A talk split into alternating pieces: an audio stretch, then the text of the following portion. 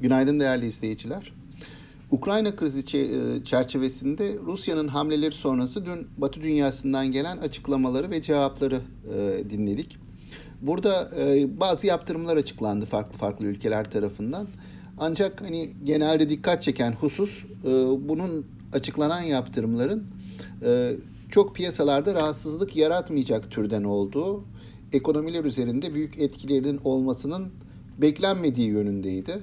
Burada tabii ki krizin ileriki aşamaları da e, düşünülmüş oldu. Belki daha sonraki aşamalarda adım adım e, yaptırımlar güçlendirilecek.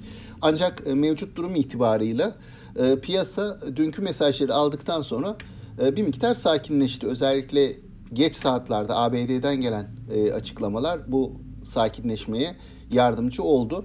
Bu sabah itibariyle baktığımda ABD endeks vadelilerin artıda olduğu, toparlanma e, havası içerisinde olduğu görülüyor. Zaten dün açıklamalar sırasında da daha dip seviyelerden yukarıya doğru bir hareket yapmıştı borsalar.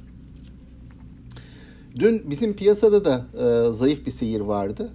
Genelde bekleneceği üzere bir ara hisse senetleri %3'e yaklaşan kayıplarla karşılaştılar. Sonrasında e, yine gün içerisinde e, konunun daha e, sakin değerlendirilmesi ve dışarıdan gelen e, açıklamalar çerçevesinde e, bu günlük kayıp daha düşük bir miktarda kalmış oldu.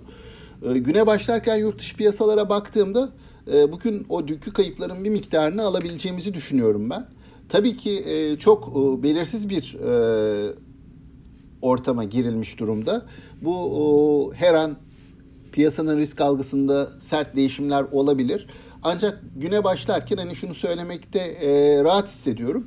Yurt dışına bakarak hani bizim de e, yukarı yönlü bir açılış yapacağımızı tahmin ediyorum. Bunun sonrasında devamlılığı tabii ki bu krizin nasıl e, çözüleceğini, e, nasıl ele alınacağına, e, daha sertleşip sertleşmeyeceğine bağlı olacak. E, fakat bugün itibariyle bir dipten toparlanma çabası olabileceğini düşünüyorum borsada. Aktaracaklarım bunlar. Sağlıklı, bol bereketli, kazançlı günler dilerim. Yeniden görüşmek üzere.